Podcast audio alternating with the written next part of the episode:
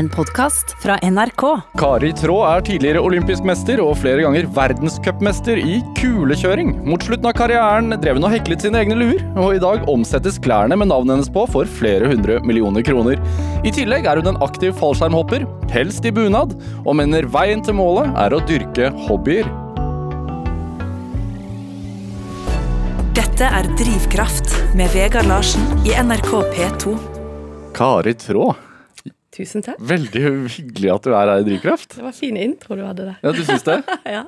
Jeg hører nå at du la stemmen din ned liksom par hakk i forhold til eh, før vi var på lufta. Er det fordi den Sikkert info... siden jeg er litt nervøs. Er det det? Kanskje det? Ja, nei, Du sa til meg før sånn Du vet at stemmen min har blitt kåret uoffisielt til Norges nest styggeste stemme gjennom tidene? Ja, Der kom han, vet du. Ja, ikke gjennom tidene, tror jeg, men uh, iallfall Norges Det var en sånn chat jeg var inne på. Det var rundt tidlig 2000-tallet.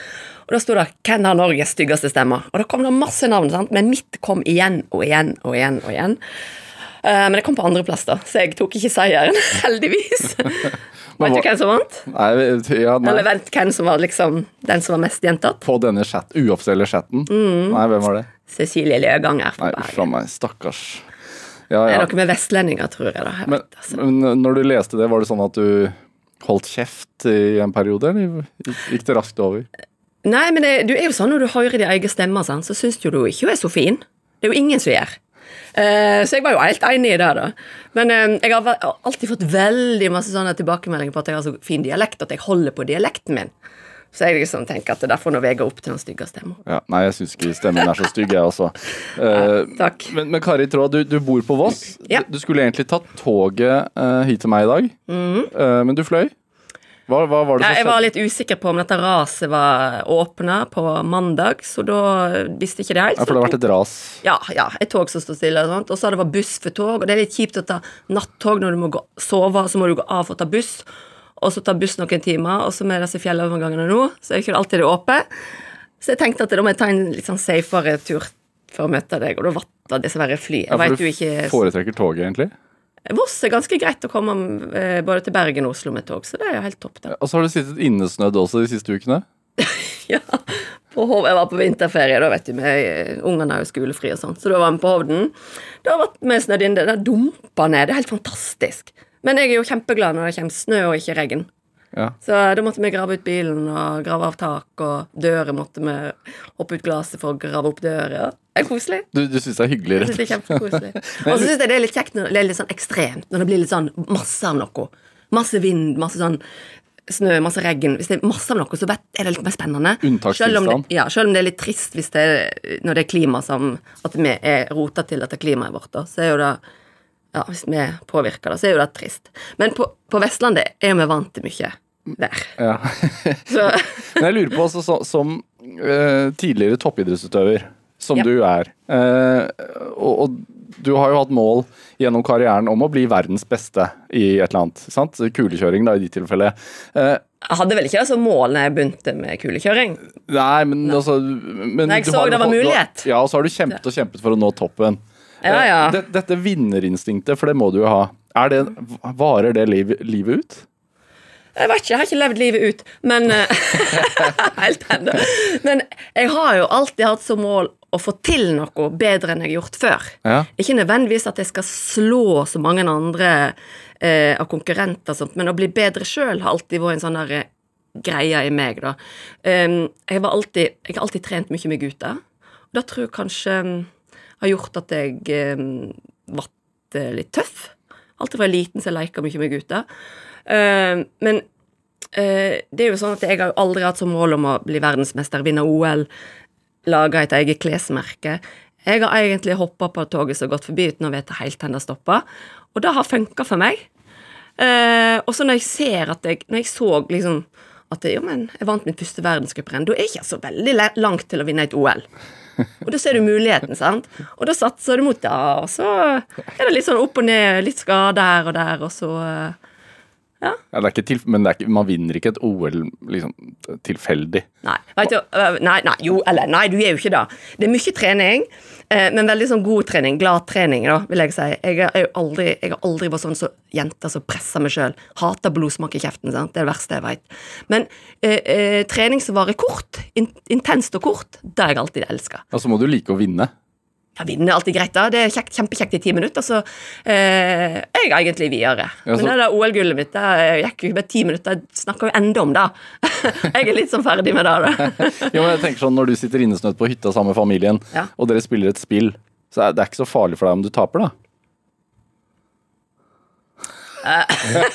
Spørs hvem taper Lang, lang stillhet. Uh, klart alle, det uansett hva du gjør, så har du lyst til å, å gjøre det best mulig. Klart da. Og vi er jo skapt sånn at vi har et sånn instinkt som gjør at du skal prestere. Men det presset kan jo bli veldig høyt for mange. Eller du kan kanskje du kan få press utenfra, du kan skape eget press sjøl, som er ubehagelig. Og jeg er sånn Jeg har ikke lyst til å legge så mye press på meg. eh, nettopp for at jeg liker ikke den der, det, det presset, for det er, det er liksom vond følelse, kan være. Uh, så jeg liker å ha det egentlig sånn bedagelig. Og så tenkte jeg ofte, ofte at det, ah, så, verden går ikke under om jeg ikke vinner. Sant? Hvis det er liksom sånn, Bare for å dempe, dempe presset på meg sjøl. men jeg husker hver gang jeg sto på toppen og skulle gjøre et hopp som jeg ikke hadde gjort før, for eksempel, så sa jeg til meg sjøl alltid ja ja, jeg dauer nå iallfall ikke, og så hoppa jeg. Eh, eh, kunne jo kanskje det hvis jeg var skikkelig uheldig, men, men da får du en sånn der OK, bare gå for det, liksom. Eh, jeg har ikke noen fasit på hvordan jeg er sånn, sånn konkurransemenneske, men det er vel det at jeg har Jeg har gleden med, gleden med å alltid lære noe nytt, og gleden med å få det til. Og så elsker jeg å kjøre ned en bakke når det bare masse folk som står og jubler og heier på deg. Det er en helt utrolig deilig følelse. Eh, Tidligere om årene, før jeg var skikkelig god, så hørte jeg jo ingenting. Jeg var jo inni min egen boble inni der, visste nesten ikke at jeg hadde kjørt konkurransen en gang. Når jeg kom i mål. Klarte ikke vite om jeg, visste ikke om jeg hadde datt engang. Men sånn som de siste, siste årene jeg var god, så kunne jeg tenke på, jeg kunne tenke på alt mulig på de 30 sekundene. Ok, hva da?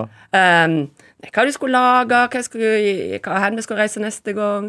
Plutselig ser jeg en som går kult kledd. Oi, det var tøft. Eh, Det Som du sånn. ser i bakken? Ja, du ser det liksom på sidesynet. da. Hvor, har jeg hvor mange kuler er det på det, i løpet av de 30 sekundene? Nei, kanskje 60 med to hopp innimellom. Det varierer litt på bakken. Og du får med deg hva de har på seg på siden? Ja, du kan faktisk det. Men eh, da, må, da, da kjører du på en måte sånn på autopilot. da. Det er jo av og til du kjører bil, sant? det er jo litt fælt å si det, men av og til kjører du bil. Og så har ikke du, husker ikke du at du har kjørt, for eksempel, for du er i din egen verden. Har du hatt det sånn av og til? Ja, jo. Det, Plutselig er du på en annen plass, altså så oi, shit. jeg er kanskje ikke helt sånn, men det er litt mer- litt sånn um... det er litt mer biler i Oslo enn på Voss. Ja, det er dag. Men jeg- altså, for jeg ser jo på uh, 'Mesternes mester', som går Ja. på NRK. Der er det jo mange tidligere Ja. OL-vinnere, eller toppidrettsutøvere. toppidrettsutøvere. -hmm. Og jeg syns jo at det er litt sånn Det virker som på meg at de fremdeles har et sånt ekstremt konkurranseinstinkt i nesten alt de foretar seg. Ja. Jeg, jeg merker det. Jeg har sett det, jeg òg. Og da, hadde jeg blitt med på det, så hadde jo jeg selvsagt Jeg hadde ikke reist ned der for å for å ikke komme langt. Jeg har jo fått spørsmål noen ganger, Ja. men jeg har um, som mål å bli verdens beste mamma. Og da kan ikke jeg reise på tur i flere uker. Da, da blir ikke jeg glad.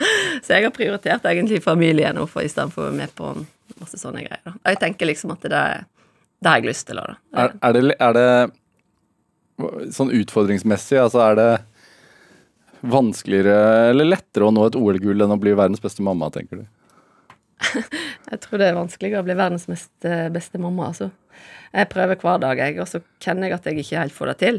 Og det der middagsgreiene, det verste med familie er å lage denne middagen som skal på bordet hver jækla dag. Er det den største utfordringen? Åh, ja, nei, ja, det, ja, men når du ikke er flink eller ikke liker å lage mat, så er det et PCB som Hva skal vi ha i dag? Og så går du på sånn ah, Får han ta disse fiskebollene i dag, eller noe sånt. Eh, og så tenker du at å, de kan ikke bare få sånn ferdig mat heller, sånn Toro-pose med tomatsuppe, sant? Det er jo ikke Du har jo det- lest det at det er ikke så bra. Ja, men de har jo lyst på det, da. Og så lagde jeg, også jeg lagde en kjempefin Eller kjempefin, da, men god fiskegrateng. Fikk så masse skryt av den, så jeg lagde masse. Og så jentene nekter å ete den. De ville heller den som var, du fikk kjøpt på butikken. mer salt i den, sikkert, og litt sånn. Så eh, jeg får ikke skryt av at jeg er så flink på kjøkkenet av eh, ungene mine heller. Men hva er du god på som mor, da? Eh, jeg tror jeg er god til å la de få eh, gjøre det, de, det, som de kanskje har interesse for. Ja. Var det viktig for deg da du vokste opp? Jeg trodde jeg var utrolig sånn eh, rolig og grei unge. Så fikk jeg for noen år siden, så snart satt vi og snakka om det med mamma, og så sier hun 'Du var så sta hvis du ikke fikk det som du ville'. Så var du, da, da var du pottesur, liksom. Så jeg, men jeg hadde veldig frie tøyler, da. Jeg var, men jeg var sånn utejente. Var masse ute og elska å være i skogen og være på ski og ja, herja rundt. Bygge kassebiler. Så jeg hadde det, jeg hadde det veldig fint. Hadde kjempefin barndom. Er stahet egentlig en ganske god egenskap når man skal drive med toppidrett? Ja. Du skal jo være så egoistisk som det går an å være. vet du. Det er ingen som er så egoister som idrettsutøvere. Og så er det litt deilig òg, da. For folk aksepterer det. Det er sånn nei, men, eh, hun, skal jo, hun må jo hvile, hun må jo få sove mye. Hun må jo Klart hun må det og det, for hun skal jo prestere for Norge, sant. Eh, så alle syns alt du gjør, er egentlig er helt topp. Så Jeg elsker å sove, så man kan sove så mye jeg vil. Og, et helt team som dyrker din egoisme? ja, egentlig. Er det, hvordan er Men det det? er litt kjipt. Sånn som det var en periode jeg var eh, liksom bare meg som reiste på tur med fysioterapeut og to trenere.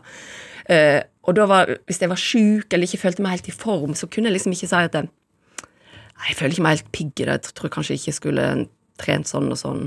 For da følte jeg at da var jeg arbeidsledig den dagen. sant? Um, jeg knirka meg gjennom det så godt jeg kunne. Men, men hvordan er det da å Når man legger opp, og man mister den eh, Ja. eh, mister den pamperingen. Altså det er ingen som Ja. knar lårene hvis man er litt stiv en dag. Nei, jeg var ikke så glad i å bli knadd på, så det var nå greit nok. Men um, jeg sakna utrolig mye sporten. Iallfall de fire første årene. Helt til jeg ble mamma, kanskje.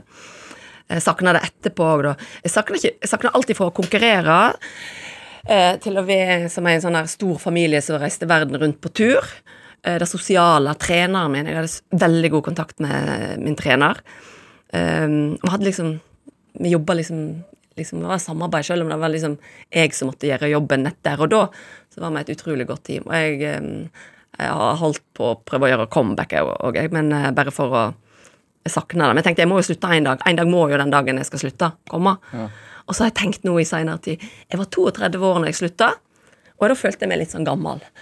Og så tenker jeg nå, herregud, jeg var jo ikke gammel, jeg kunne jo fortsette fire år til uten problem, liksom. Men så hadde jeg jo noen kne òg, da, som var litt sånn Jeg brukte veldig lang tid på å varme opp før hver trening og konkurranse for at det, det ikke skulle være vondt, for jeg har nesten ikke menisker igjen i knærne. Så egentlig var det kanskje det lureste jeg gjorde å slutte. Dette er Drivkraft med Vegard Larsen i NRK P2. Og i dag så har vi kulekjørelegende og, og, kvin Legende! og kvinnen bak klærne, Kari Traa her i Drivkraft. Eh, jeg, vil jo si at etter at du ga deg med kulekjøring, jeg vet ikke om det er tilfeldig eller ei, så har interessen i Norge dalt. Ja. Eh, hvor stor er kulekjøringssporten i dag? Jeg er veldig liten. Eh, Det er nesten ingen som holder på med det. Men det, er jo, det ligger jo andre greiene under freestyle.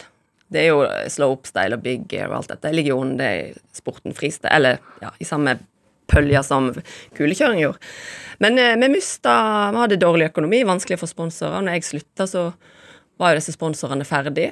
Og når du ikke har eh, disse arvtakerne som kom etter meg, som ikke var eh, på pallen med en gang etter jeg slutta, så er det veldig vanskelig å holde oppe um, mediedekning eh, ja, og pleie sponsorer og sånn. Så det har dessverre gått eh, til dunders, da. Men eh, det er litt trist. Men eh, det er alltid sin tid òg, da. Kan ikke tvinge folk til å holde på med noe de ikke vil. Men det er sånn, jeg skjønner kanskje at folk ikke syns det er så kjekt å se på kulekjøring. Men det er utrolig skøy å kjøre. Ja. Det er helt sånn um, Jeg syns jo egentlig at det er ikke så kjekt å se på noe idrett. Sånn, kan, kanskje når det er store mesterskap. Turning elsker jeg å se på. Uh, følger med på når det er store kamper og sånt. Men å sitte foran en TV en hel helga og se på sport, da klarer jo ikke jeg. Jeg syns det er dritkjedelig. Uh, I forhold til å gjøre det sjøl, da. ja. Ja. Men hvorfor har det blitt borte? Er det fordi at det er en Altså, det er det, Unnskyld meg, altså, men det er jo en litt sær sport. Ja, jeg kan jo være enig i det. det, det og så er det dommeridrett, sant. Veldig vanskelig for de som ikke skjønner teknikken i kulekjøring, hvem som vinner. Eh, hvordan de får karakterer på hopp og sånt. Jeg syns det var til tider vanskelig sjøl, jeg. Um, og så uh, Når utøveren syns det er vanskelig, så Nei, nei, men um, det, det er nå bare sånn. Og du kan ikke Hadde det gått på tid å bare komme seg raskt mulig ned, så hadde du, ikke da hadde du ingen hoppa. Nei. Da er det vekk, sant. Så den der gode hotdog-tida som starta på 70-tallet i USA og sånt, den um, har jo blitt utvikla seg til å bli veldig sånn Da skulle du kjøre i en kulebakke som Det var ikke forma kuler. nå bygger det kulene, bygger hoppene, sant. Da skulle du bare komme deg ned som ei sånn der eh, hotdog. Det er liksom nett som ei pøl... Du skal komme deg ned i bakken som ei sånn varm pølse som sklir ned. Så der det Var det det det het? er vi kaller det hotdog, liksom. Og så hotdog-tida. Og så hoppa nå jeg nett på et hopp, egentlig kul som lå der, helt sånn tilfeldig, et splitt-opp eller et eller annet sånt. Men um, Så det har blitt for eh, strømlinjeforma? Eller det ble for ja, altså, alt, strømlinjeforma? mange, det blir veldig at alle utøverne kjører veldig likt. Det er vanskelig å se forskjellen på hvem som vinner av og til. Ja. Helt enig i det. Men ehm, det er jo trist. Jeg er veldig glad for at jeg fikk oppleve det, og eh, jeg hadde det Ja. Det jeg er vel eh, min beste, eller sånn der eh, eh, Ti år der jeg kjørte verdenscupen fast. Det var veldig, veldig kjekt. Veldig fint. Men hvordan oppdaget du sporten i det, i det hele tatt? da? Ja. Jeg kommer fra Voss, da. Der har vi alltid hatt en god eller en stor freestyleklubb. Og jeg er jo oppvokst litt utenfor Voss sentrum, så jeg var liksom ikke På, land, på landet, rett på og slett? landet, liksom på eh, På en gård, eller? ute der. Ja. Um, og alle de som drev på med freestyle, sånn jeg oppfatter det, de bodde jo i sentrum og hadde kule klær og var litt sånn tøffere, syns jeg. Så jeg hadde jo lyst til å begynne med kulekjøring i mange år, jeg. Helt til um, Men jeg tørde liksom ikke oppsøke miljøet. Så så jeg Hans Engel Sneide, Han er en kollega med nå, da. Han, um, han var fri- kulekjører. Han tok eh, sølv i Calgary-OL i 88. Da var jeg 14 år. Nettfylt 14, og da så jeg han kjørte ned den isete, vanskelige bakken. Det så jo ikke bra ut når jeg tenker tilbake da, eh, men eh, eh, han tok noe sølv, og jeg syntes det så kjempekjekt ut å drive på med det. Og da fikk jeg med meg ei venninne, og så møtte vi opp i klubben. Og da var ikke de så tøffe som jeg hadde trodd de var, de der eh, andre som eh, drev på med sporten. Jeg ble kjempegodt imot, tatt imot, og så var jo jeg jeg var jo ikke sånn supergod på ski, for jeg hadde jo bare, alt var jo sjøllært. I lag med klassekamerater og venner, liksom. Men Du hadde stått litt alpint, da, tenker jeg. Nei, ikke alpin, jeg hadde stått på alpint ski, men jeg hadde ikke kjørt, konkurrert eller blitt tatt en trener. Det hadde jeg jo aldri hatt. Um, og um, Men jeg var tøff. Jeg tørde. Jeg tørde mer enn de andre, liksom. Jeg var litt uredd. Jeg er egentlig kanskje rett og slett dum. Jeg så ikke, jeg så ikke konsekvensene av dette, liksom. Ja, så du, du slo deg en del? Ja, jeg, jeg tror jeg er den der Jeg tror jeg er den jenta i Norge som har datt mest, altså. Men eh, jeg er sikkert flink å slappe av når jeg datt. Men er, er, du, er du sånn som, altså, som person og har vært det hele livet, tenker jeg, altså, altså at uh, du tenker sånn 'dette liker jeg, så da går jeg for det'? Ja, jeg har bare gjort det jeg har likt, jeg. Ja, på, Elsker alt av sånn håndarbeid og snekring og lage lamper, smykke. Og så eh, på- Alt sånn jeg er sånn kreativ. Og så elsker jeg sport. Men på, altså, når man begynner på skole, for det må man jo Ja. eh, i landet her, da blir man jo brått satt til masse man ikke liker, da. Ja, vet du det. Jeg var faktisk veldig bra god i matte jeg, fram til vi begynte å blande norsken inn i matte. Du regner ut sånn likning, at hvis du kan ha bokstaver inn i et mattestykke, det gikk jo ikke så bra. Da bare ga jeg opp da, liksom. Men det er, utrolig at jeg Jeg kom meg ut av Jeg gikk på skigymnaset da, etter ungdomsskolen, og gikk der i tre år. Ja, For du tenkte bare sånn jeg, jeg, Ski, det er det jeg skal holde på med, liksom? Ja, nett da. Da var det det. Det var det som trigga meg. Uh, og så tenkte jeg at utdannelse får en ta seinere. Og jeg ville jo egentlig bli tømrer, da. Det var liksom det jeg tenkte. å bli. altså Moren og faren din drev gården? Nei, vi, har ikke, vi, har ikke, ja, vi hadde en fjellgård, men den gård der jeg bodde. Da bodde vi bare på masse gårder, men vårt hus sto midt på den gården. men um, uh, Hva var det vi var snakket om nå? Nei, Du sa at du drømte om å bli tømrer, Ja, som jeg var ganske interessant. Ja, da hadde jeg lyst til når jeg, jeg tror jeg var sju, seks-sju år når jeg oppdaga tømreryrket. da.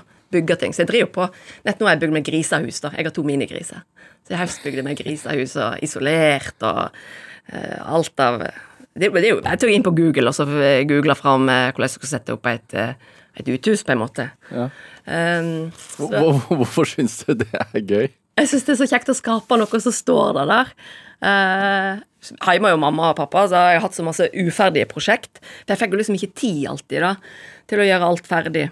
Eh, jeg satt på julaften og skrudde sammen krakker og alt mulig sånt eh, greier. Så det var mye rusk og raskt jeg fikk av hjemmelaga ting. da. så ikke var så fint. Jeg er jo egentlig ikke så veldig flink til én ting. Jeg er flink sånn, litt flink til alt, og så liker jeg å gjøre alt av sånn kreativt. Ja. Ja. Men disse minigrisene, er det Jeg heter Gudmund og Sivert. Men slakter man minigris? Da kan du, men ikke mine skal slaktes. Jeg oppdaga nett nå at jeg skal ha griser til langt til jeg iallfall er pensjonist. Det kan jo leve til de er 20-25 Oi, ok. år. Så det er, altså det er kosedyr, rett Ja. det? Altså det er Hatt det husdyr? mye inne. Det var inne. Du har det inne? ja?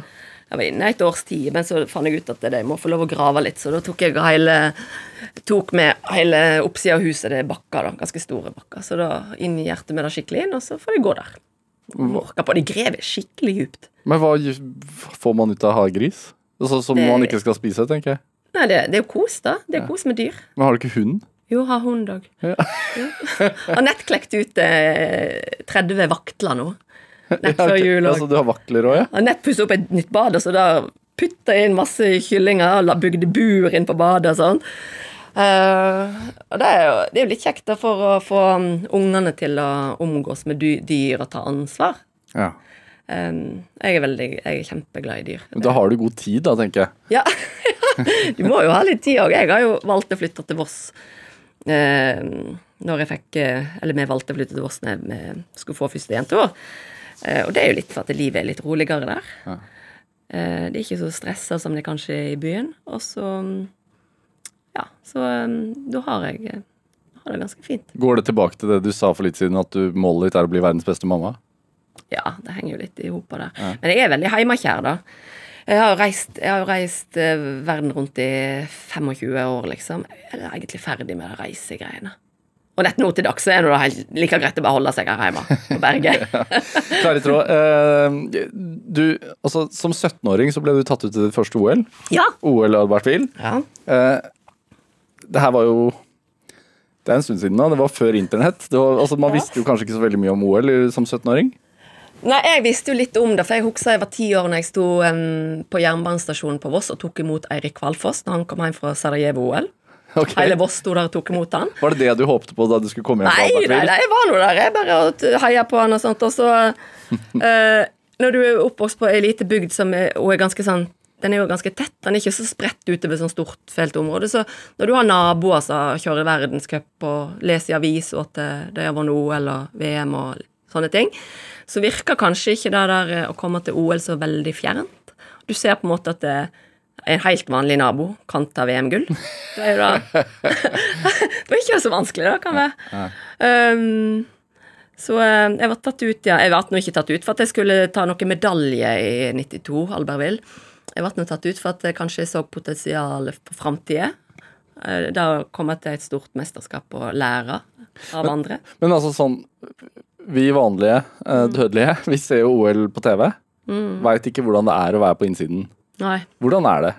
Du har vært med i flere. Jeg har vært i fire. Eh, Det er ikke Det er kanskje ikke så sosialt. Nett i leiren og sånn kan det være sånn sosialt og sånt, men du vet liksom Kjørt rundt og skjerma, på en måte, for du skal jo konkurrere. Så du kan ikke oppleve for mye, for du kan bli sjuk. Du kan ikke ta i alle mulige dørhåndtak og sånt. Mange, jeg brydde ikke meg om det, men hvis du treffer disse som er utholdenhetsidrettene i OL, så har jo de hansker på seg og tar åpne dører med albuer og sånn, sant? Sant? I matsaler og sånn. Så det er jo veldig sånn litt hysterisk på å bli sjuk eh, under dette mesterskapet. Da. Men um, jeg hadde Jeg husker når Jeg har vært på én åpningsseremoni, for vi har alltid konkurrert rett etterpå. Og da var jo Albertville. Og da sto jo vi oppkledd i vadmelsdraktene våre. Varmt og fælt og venta på at eh, vi skulle få go for å gå. Og så ser du den italienske delegasjonen kommer forbi. Wow. Oppkledd i Armani. Lange, flotte frakker og fine hatter og sånn. Og da kommer Alberto Tomba, storkaren sjøl. Eh, alle visste hvem han var, han skulle ta OL-gull og alt dette her. Og så kommer han forbi, så bare blinker han. Så et sånt kyss mot oss da som sto der. Ja, kanskje mot Norge, da, så sto vi der da, og lurte på hvem, hvem, hvem, som fikk den. Og så de rundt meg 'Det var til deg! Det var til deg!' Jeg bare, ja, bare ble knallrød og sto der i det vannbelsantrekket som var kjempevarmt i tillegg. Um, men um, det ble ikke mer mellom oss. Nei, det var det det ble. det var det det var. Og det ble ikke noen medalje, Albertville, eller? Nei, det ble det ikke, men jeg kan Jeg husker når jeg sto på toppen der, så hadde nå den derre uh, i mi råke dagen før. Altså, jeg tenkte det er ikke så vanskelig å kjøre uten ei spenne på Det var på støvelen eller på skoen. Så jeg tok ei sånn borrelåshempe så du snører rundt ski og sånt, og bare snørte den fast. Du hadde ikke flere her? Sko? Nei. Nei, jeg hadde bare ett par sko. Eller støvler. Ja, jeg var ikke alpinist, vet du. Jeg var ikke det. Ehm, så hvis noe gikk til Jeg hadde litt flere par ski, da. Men um, snørte nå den sammen, og så tenkte jeg at det går sikkert bra. Og så var det masse snø, det var kjempestore kuler. Eh, så sto jeg og staka meg ut. Jeg syns det gikk ganske fint ned mot første hoppet, og hoppa en sånn der splitt, var det vel. For vi fikk jo ikke lov å gjøre salto på den tida. Det er veldig old school, dette her. Og landa igjen. Og så Jeg har sett på film. Eh, det ligger jo ikke på nettet, men har sett, vi har et opptak en plass.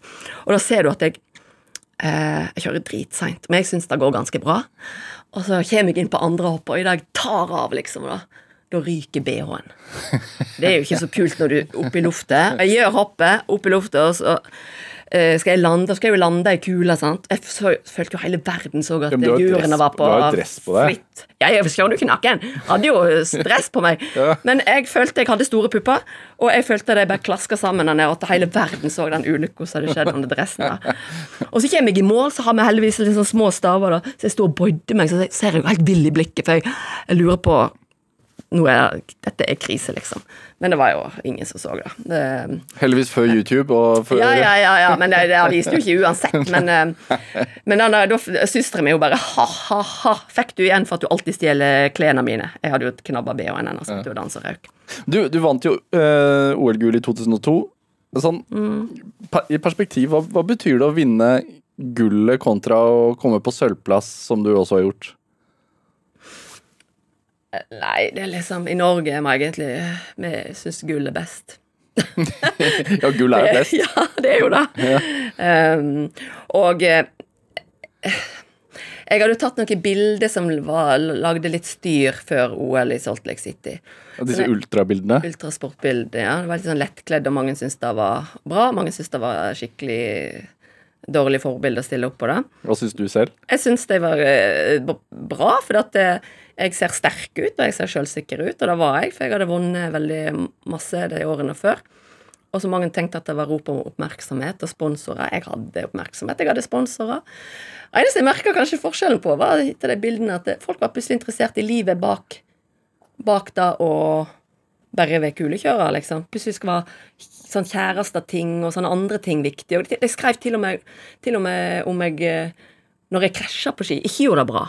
De pleide du alltid å beskrive når det gikk bra. det, var liksom heil, det var liksom alt skulle være med, da. Eh, hva, var, hva var vi inne på nå? Det var, ja. Jeg spurte helt hvordan det var å vinne, hvordan det var å vinne OL-gull, ja, men så, så Jo, ja. Men jeg så eh, jeg, kom jeg var jo sist Jeg, eh, kvalifi- jeg leda kvalifiseringen, og så sto jeg på, eh, på, til slutt oppe på, på finalen. Og Da hadde jo alle kjørt foran meg, 16 stykker, nei 15, og jeg var nummer 16 ut. Jeg hadde ikke peiling hvordan de andre kjørte. Jeg måtte jo bare konsentrere meg om spotte snus og tisse og sånne ting som du gjør for start. Um, og så når jeg kom ned, da, så følte jeg at det var ikke helt ikke helt perfekt løp. Jeg kan ikke kalle det det. Jeg følte jeg missa på andre hopp, at jeg var litt bakpå, ikke fikk nok utslag på hoppene. Uh, men så jeg så ett-tallet, da hadde jo da hysteriet vært med de ultrasportbildene på nett og alt, debatter hjemme og sånn. Jeg så ett-tallet, så tenkte jeg yes! Dette blir en lett pressekonferanse. Og det ble det. Hadde ikke jeg kommet på pallen, eller at jeg greiene der, så hadde Eller hadde ikke jeg hadde jeg kommet utenfor pallen, så hadde iallfall disse ultrasportoppmerksomheten ødelagt for meg, liksom. Oppladningen til OL hadde de sikkert tenkt funnet på. Um, men jeg følte jo den, den oppmerksomheten jeg fikk med de bildene, gjorde at jeg tenkte fy faen, nå kan jeg vise, vise folk at jeg kan stå på ski òg. Kan ikke bare kle meg. Ja, Nei, og um, vise fram sporten. Eh, og eh, det var noen på NRK faktisk som sa at eh, damefinalen i kulekjøring hadde blant dem, var det mest, en av de mest sette idrettene i det OL. Ja. Men, og så var jeg, jeg konkurrerte først ut på lørdag. Jeg er faktisk første som har tatt eh, OL-gull i dette tusenåret. Oi, Yeah. oi, gratulerer. Var er Belmondo, eller hvem det var. Hun fikk han vel utlevert tidligere på pallen, da. Men eh, jeg konkurrerte før henne. Men, men altså det at Du trekker jo frem disse bildene selv. er- Ja, ja. det jo Det, er- jeg tenkte kanskje du kom til å ta dem frem Og, uansett. og det er jo lenge siden. Uh, Ja. og jeg tenker da siden, siden det- også skapte mye oppmerksomhet, at det det ble det kanskje det mest sette rennet under OL. Ja. Altså, var det Du må jo ha tenkt noe rundt det da du stilte opp på de bildene? Altså, Ønsket du at sporten skulle få mer oppmerksomhet? Ønsket du at Eh, eh, ja, helt i bunn og grunn var jo det derfor da at eh, Ultrasport de skrev om de små, smale ekstremsportidrettene, som da kulekjøring ble dratt inn under. De skrev mye om eh, freestyle-miljøet. Eh, og så Jeg syns jo egentlig ikke disse bildene var så veldig galne, jeg. Sånn, så jeg så ikke helt eh, skjønte ikke helt at folk ble så hysteriske på dem. At det var dårlig forbilde og sånt. Det fikk jeg litt sånn sjokk over. Jeg var litt naiv, kanskje. Um, men jeg tror um, Jeg visste jo heller ikke at mm, media får tilgang til magasin før magasinet er ute i butikk. Så det kom jo rett før jul, sant. Um, midt i juleshoppingen. Så jeg fant ut at jeg kan jo ikke gå på Vangen eller på Voss og handle julepresanger, for alle fikk så masse blikk på meg hele tida. Så jeg stakk til Bergen. Jeg tenkte at det var lurt, for da er det ingen som vet hvem jeg var. Men det var nå ikke bedre, da. Så det ble mye hjemmelaga rusk til alle sammen på den jula der. Satt hjemme og gjemte meg litt vekk. Det var litt, var litt tøff overgang. Men det var ikke vanskelig. Det jeg var ikke sånn skamma meg ikke over det. Og så og så Mamma ringte etter hun hadde sett bildene. Så sier hun 'Kari, hva er det du har gjort?' Og så sier jeg 'Ja, men mamma, jeg har jo fortalt deg hvordan bildene så ut'. 'Ja, men du sa jo ikke at du hadde fingeren inni'. Uh, nå er ikke om de som hører på her, vet hvordan de bildene så ut. Inne og google litt. Men eh, jeg holdt liksom hånda foran skrittet, da. Men så ser det kanskje ut som at jeg har fingeren inni, men det hadde jeg da ikke. Eh, og så har jeg to, hadde Bestefaren min var jo kjempeinteressert i sport. Han så på alt som var. Og han, er sånn, eh, han var jo fikk jo med seg hva som hadde skjedd. Og sånt. Og faren min han tok avisene med seg opp og fortalte at jeg hadde stilt opp på dette sjøl. Og det gikk jo ikke inn, vet du. Det var jo 90 år begge to. sant? Eh, og så sier plutselig bestemor Nei og nei, stakkars Kari, nå er hun blitt populær. Nå er det paparazzi i dusjen òg. Så hun visste hva paparazzi var, da. det var litt skjønt. Ja. Men jeg tenker, tenker sånn Fordi du er jo altså For å representere en ganske snever idrett, da, Mm. så har du vært eh, flink til å få oppmerksomhet. Du har hoppa fallskjerm i bunad. Du Altså i 2002 da du vant OL, Mm. så kom du inn i OL-studio utkledd som en indianer, tror jeg. Og, ja, jo, kanskje da, ja. Ja. ja. og, og, det- Men da var nå ikke jeg som fant ut jeg skulle gjøre. Eh, De ville ha meg i boblebad, så jeg takka nei til det boblebadet. For De det var, noen an-. Ja, men det var noen andre som tok den oppgaven der. Så jeg tok indianeroutfiten, jeg. Men, men og, og, disse bildene i, i Ultra, da. Altså, har du tenkt strategisk rundt egen merkevare? Nei, jeg har ikke det. Um, når vi starta opp eh, med Kari i 2002 òg, så ah, tenkte jo vi ikke så veldig mye da heller. Eh, men kanskje etter første sesongen, når vi hadde solgt veldig bra med hodeplagg, halser, pannebånd og hue, liksom. Ja, For klærne begynte med hodeplagg. Ja. Begynte at du heklet. Ja, strikka og hekla, og så fikk jeg hjelp av en designer som var liksom utdannet designer, da, altså lagd med flishue og sånn. Uh, og jeg, starta opp for at jeg lurte på om jeg skulle slutte med ski eller ikke. Jeg hadde veldig lyst til å fortsette, men jeg følte meg gammel, og så hadde jeg Da var jeg 28 år. Um, og så har jeg jo alltid sponsa Bula, og det ga meg alltid de styggeste Bula-huene som noen gang var oppdriva. Så jeg lagde mine egne, så tok jeg og klipte av Bula-logoen, spretta den av og sydde den på min egen hjemme og laga hua. Og da visste jo disse Bula-gutta som hadde angetur på Bula. Eh, Så de sa men kan ikke du bare lage en huekolleksjon, og så kan vi selge den i vinter? Så kan du, kan du fortsette å kjøre på ski noen år. Jeg syns det var en glimrende idé. Jeg bare, ja, fy fader! At jeg ikke kommer på det sjøl, liksom. Uh, uh, så gjorde vi det, da. Og uh, solgte kjempebra. Jeg hadde egentlig ikke noen annen plan om at vi skulle, vel, vi skulle skille oss ut. Og så skulle vi være jentemerke. Og så begynner vi å edde på litt. da, Vi skulle, vi skulle liksom ha humor og litt galskap. Skulle være litt sånn, skulle se, Når du kom inn i en sportsbutikk, så skulle du se henne Kari-produktene var. da. Men var det litt sånn da dere satt på de møtene, var det sånn Det må, det må være litt som Kari Traa selv? Humor, Eh, galskap, skille seg litt ut? Ja, kanskje ikke bare nett sånn som meg, men sånn som de to kollegene som jeg starta opp med òg.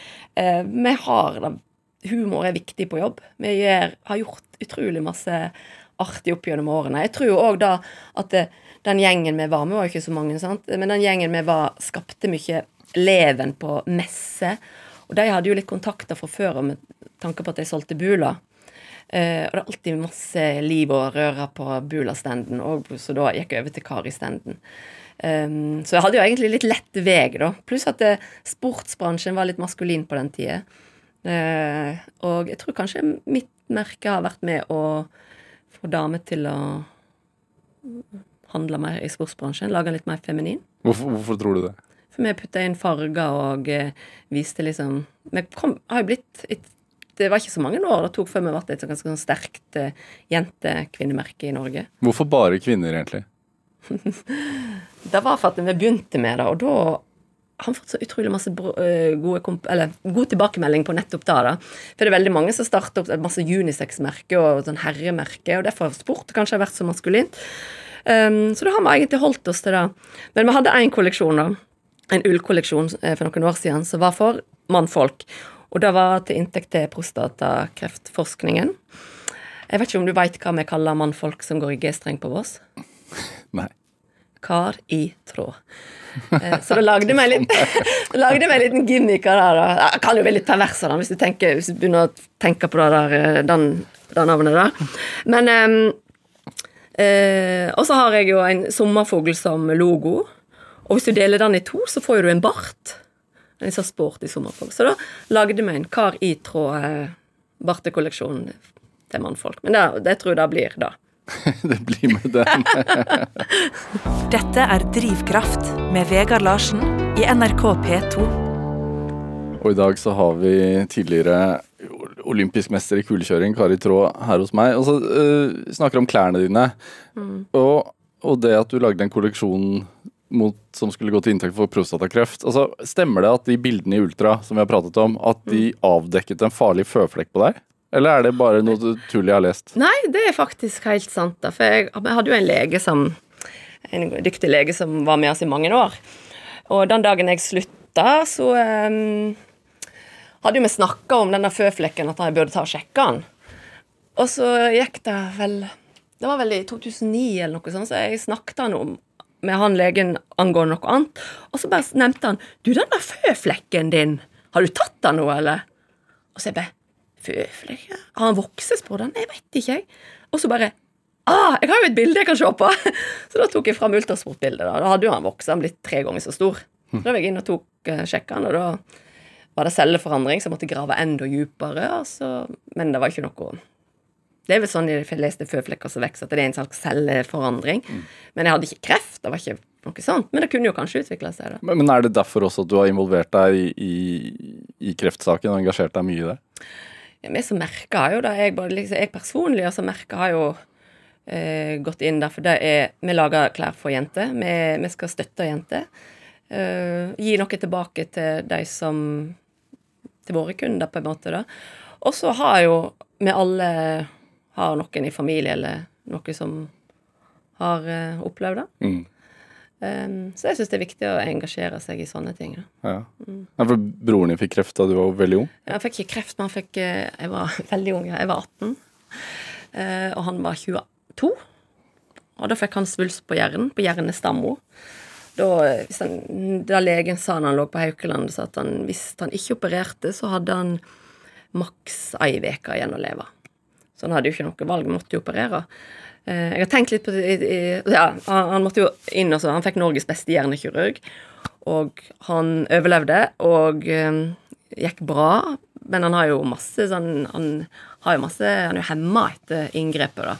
Måtte lære seg å gå igjen. Husker, jeg hadde nett tatt kne, første kneoperasjonen min, så jeg, eh, jeg var der og skulle få full strekk i foten, liksom, og sånt, til fysioterapeut. Og han gikk til samme fysioterapeut for å lære seg å gå, så det var litt sånn kontrast til hva vi trente oss opp igjen for, da. Um, men han, jeg beundrer han utrolig masse. Han har aldri vært sånn Aldri deppa eller noe for at han Selvsagt han kunne ønsket å være foruten det, men han har bestemt seg for at han skal leve livet sitt så godt han kan. Sånn med de forutsetningene han har der, da. Ja, for du har jo hatt, altså i din karriere, du har hatt masse kneskader. Ja. Hvor mye er operert? Jeg har opp Er det sju? Det er jo ikke så masse, men jeg har ikke mer menisker igjen. Altså to, det mest alvorlige er et sånt korsbånd. Og det er veldig mange som ryker dem og ikke kommer tilbake. Men jeg tror oppskriften er at jeg er så passe lat at jeg klarer liksom å slappe av og ikke stresse med å komme tilbake. Og jeg det er lurt å em, Jeg har alltid vært sånn at jeg, jeg finner fordeler Eller fordel for meg sjøl hvis noe hvis noe skjer. Hvis jeg plutselig var ute i tre uker pga. en meniskoperasjon, sånn, så tenkte jeg yes, da kan jeg lage dette eller dette. Um, så det er liksom sånn å føye ting til sin egen fordel, da, uansett hvordan det er. Det tror jeg jeg var flink til. Ja, for det virker jo som du har tatt de skadene som jo har Altså, du var ikke med Ol på Lillehammer f.eks. pga. skade. Ja, da røk jeg rett Som, før. Ja. som for mange idrettsutøvere antageligvis hadde vært verdens største eller lengste turen i kjelleren. Men altså sånn, det virker som du tar det ganske lett, da. Men har det en sammenheng med det at du har sett at livet, Ja. livet er kort, og, og en kneskade er tross alt kun bare en kneskade? Det er jo liksom? det. Eh, den der opptreningen som jeg og broren min gjorde i lag da, og eh, de årene der, det, det fikk idretten til å ikke bli så viktig.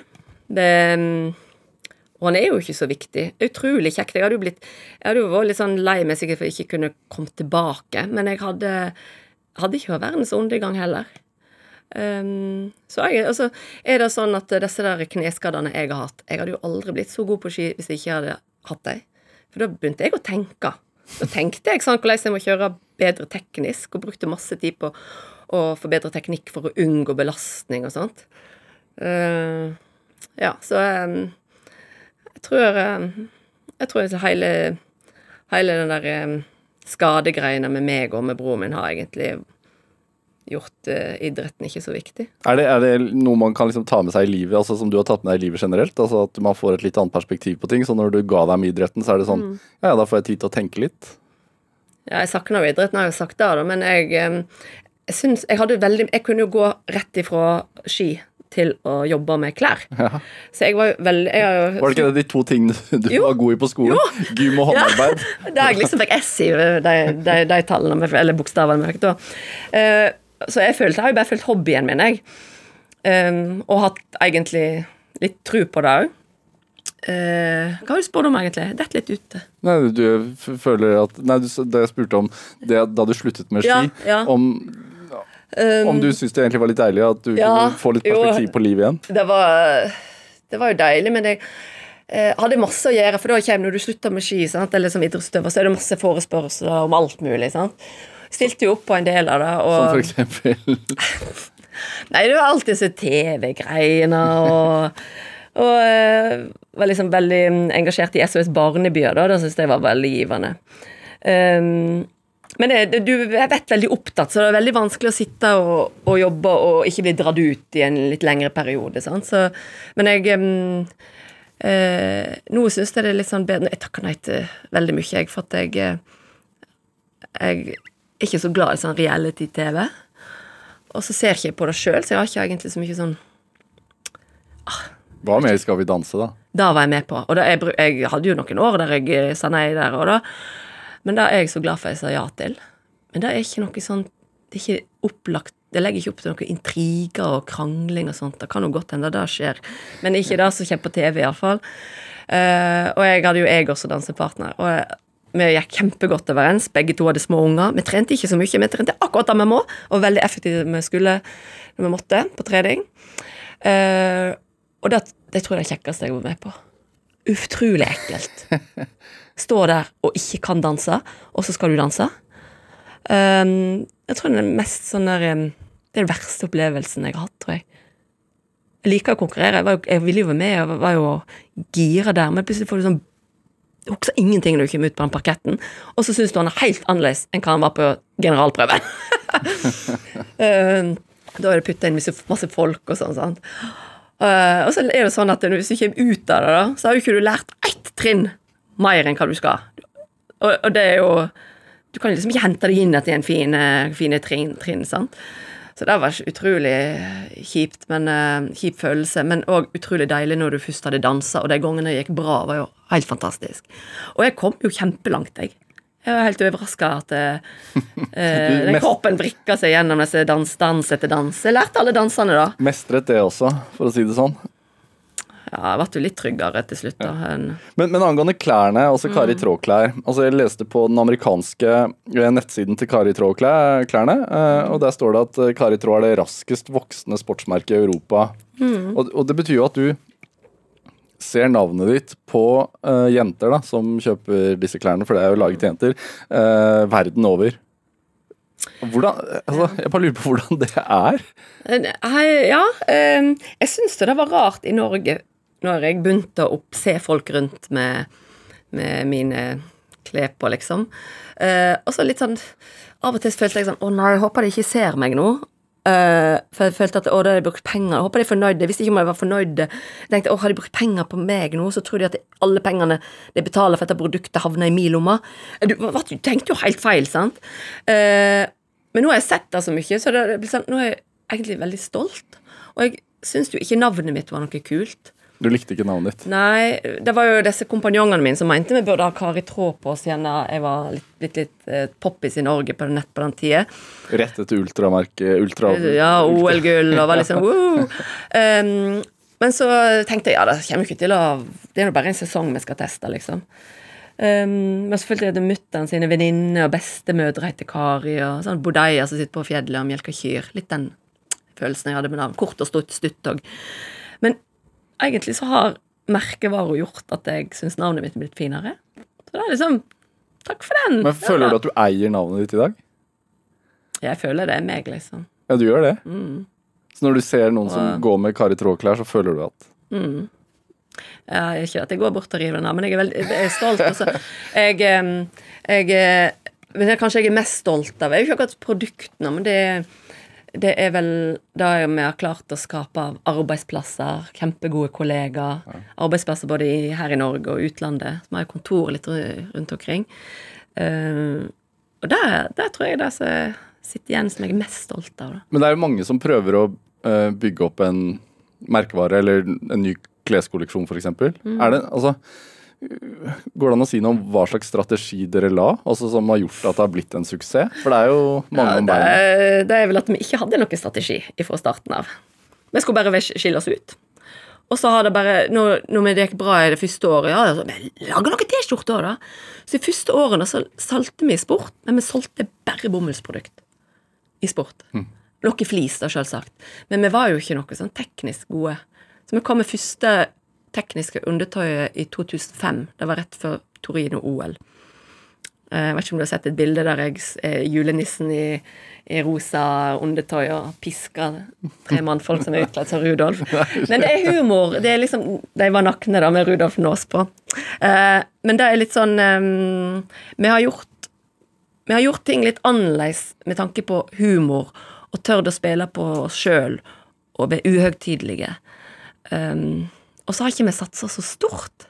Det har liksom gått av seg sjøl. Um, og, og det er jo takket være alle disse flotte jentene som har syntes vi har laga bra produkt, og kjøpt det. Men det er, altså, det er en story om at eh, mønsteret på klærne er fra eh, hytta di. Ja, vi har jo en sånn fjellgård, og der henger det et teppe. Jeg har prøvd å finne ut hvem som har laga det teppet. Eh, et vevd sånn teppe. Og det er sånn rosemønster, sånn åttebladsrosa. Og da um, ullundertøyet som er Når var det første kom ut? 2009? Det er over ti år det har vært i kolleksjonene. Og vi, tenkt, vi har hele tida laga etterkommere, prøvd å finne Ok, vi må utvikle sånn som noe til å ta over, for en dag vil jo dette dø, det produktet. Tror du det? Ja, vi har tenkt sånn i mange år, Ja. men vi bytter jo farger altså hele tiden. Hver kolleksjon er ny farge. Og det er jo det de vil ha, vet du. Ja. Um, så det er jo kjempekjekt. da, men Det er sånn ikonprodukt, egentlig.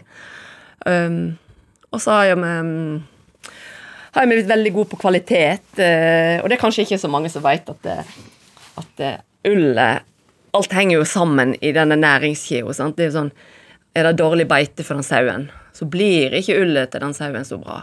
Og da går jo utover kvaliteten på den ullen vi lager kanskje av disse sauene. da. Så det, det henger sammen helt sånn uh, Men vi, vi hadde en periode vi hadde masse sånn feil, men det var på grunn av uh, ja, noe sånt, da. Eh, jeg har da spurte jeg litt av igjen. ja, men Du har vokst opp med sauer rundt deg, tenker jeg, så Ja, det er ikke så rart du er opptatt av det. Vet du hva verdensrekorden i å klippe en sau? Nei? Sånn cirka. Nei. For en del år siden så var det 17 sekunder. Ja. Oi, hva er din? 4,20. Jeg var med på VM i saueklipping. Minutter? Ja. Men eh, hvis, du klipper, hvis du bruker mer enn åtte minutter, så vet du liksom Da kutter. Jeg får ikke lov å klippe mer. Ja. Men du har solgt deg ut av merket? Jeg er fortsatt en eier, men jeg er mye mindre eier. Hvordan er det å selge liksom, sitt eget navn? Ja, Det er vel da kanskje jeg har slitt mest med det. Men eh, hadde ikke vi gjort det, så hadde ikke vi hatt mulighet til å la merket få utvikle seg mer. Nei. Så eh, ny kapital inn og sånt. Da, det gjorde susen, da. Så jeg er jo fortsatt med, og jeg, nå, jeg jobber jo ikke Jeg er jo ikke ansatt, men jeg, jeg er konsulent, så jeg, derfor kan jeg sitte på Vossog og være med. Så jeg jobber mest på, på eh, markedssida nå. Ja, for du kom, troppet jo opp her i dag i utelukkende Kari Tråklær. Altså, jeg ble jo ikke Jeg ble, jo Jeg ikke, kjøpt retro kvikksilver. jeg ble ikke forundret, men det, jeg tenkte sånn Jeg blir jo litt lei av å gå i, i mine egne klær til tider, så jeg har sånn der en periode jeg er helt off. Bare Ulvang, da, i stedet. Dette er Drivkraft med Vegard Larsen i NRK P2. Og i dag har vi kulekjører, eh, eks-kulekjører, eh, olympisk mester og eh, hva skal man si, kles... Ja, du er ikke klesprodusent, klesdesigner, er det, kan man si det? Kari Traa? Jeg, jeg, var, jo ikke designer mer. Du får kalle meg klesgründer, kanskje. Klesgründer? Jeg vet ikke, jeg. Ja. Er det, altså, merker du det, se, se på sosiale medier og sånn, er det, tror du det er vanskeligere å slå gjennom som klesgründer i dag?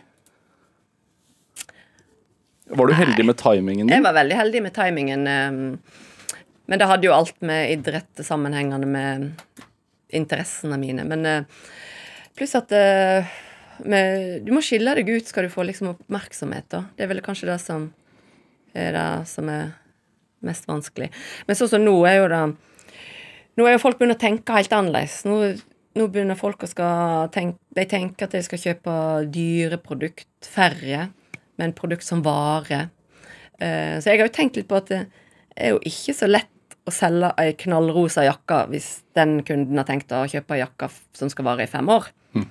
Og det, sånn sett er jo det bra at vi begynner å tenke, tenke oss litt om og forminske dette forbruket vårt. da. Tross alt så er det denne kloden vår som er viktigere enn at eh, alle skal tjene så jæklig med penger på det de holder på med. Men hva gjør du nå, da, når du har solgt deg ut? Du Jeg, jeg er fortsatt med. Jeg jobber på marked, ja. Jo, men er, er det en 100% stilling? Ja, nesten. Det er det. Ja. Eh, sånn danner man. Men jeg er jo Jeg driver på med disse hobbyene mine, da. Fallskjermhopping. Ja, fallskjermhopping, og så sier jeg veldig mye, og jeg, jeg, jeg har prosjekter hele tida. Ja. eh, Kari Traa, jeg syns vi skal spille en låt. Jeg vet at eh, hver gang du konkurrerte, så Eller ikke hver gang, men det ble i hvert fall spilt Ossie Osborne i bakken. Eh, ja, vi får, fikk, av noen konkurranser fikk vi velge sjøl om vi ville kjøre etter noe spesiell musikk. Det har jo ingen betydning om du kjører etter musikk, for du hører jo ikke det uansett. Eh, men jeg valgte Ossie Osborne, 'Crazy Train'. Ja, skal vi høre litt på den, så ser jeg for oss deg i Kulbakken? Ja. crazy,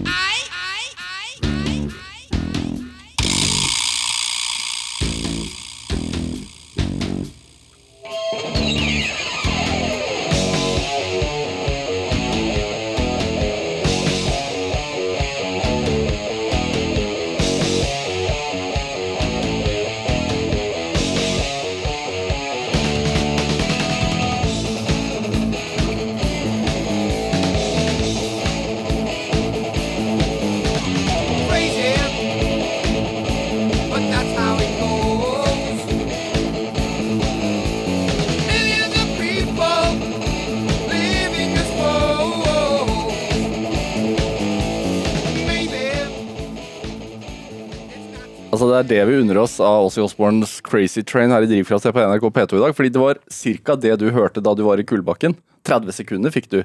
Ja. Vi spilte litt mer nå. Ja.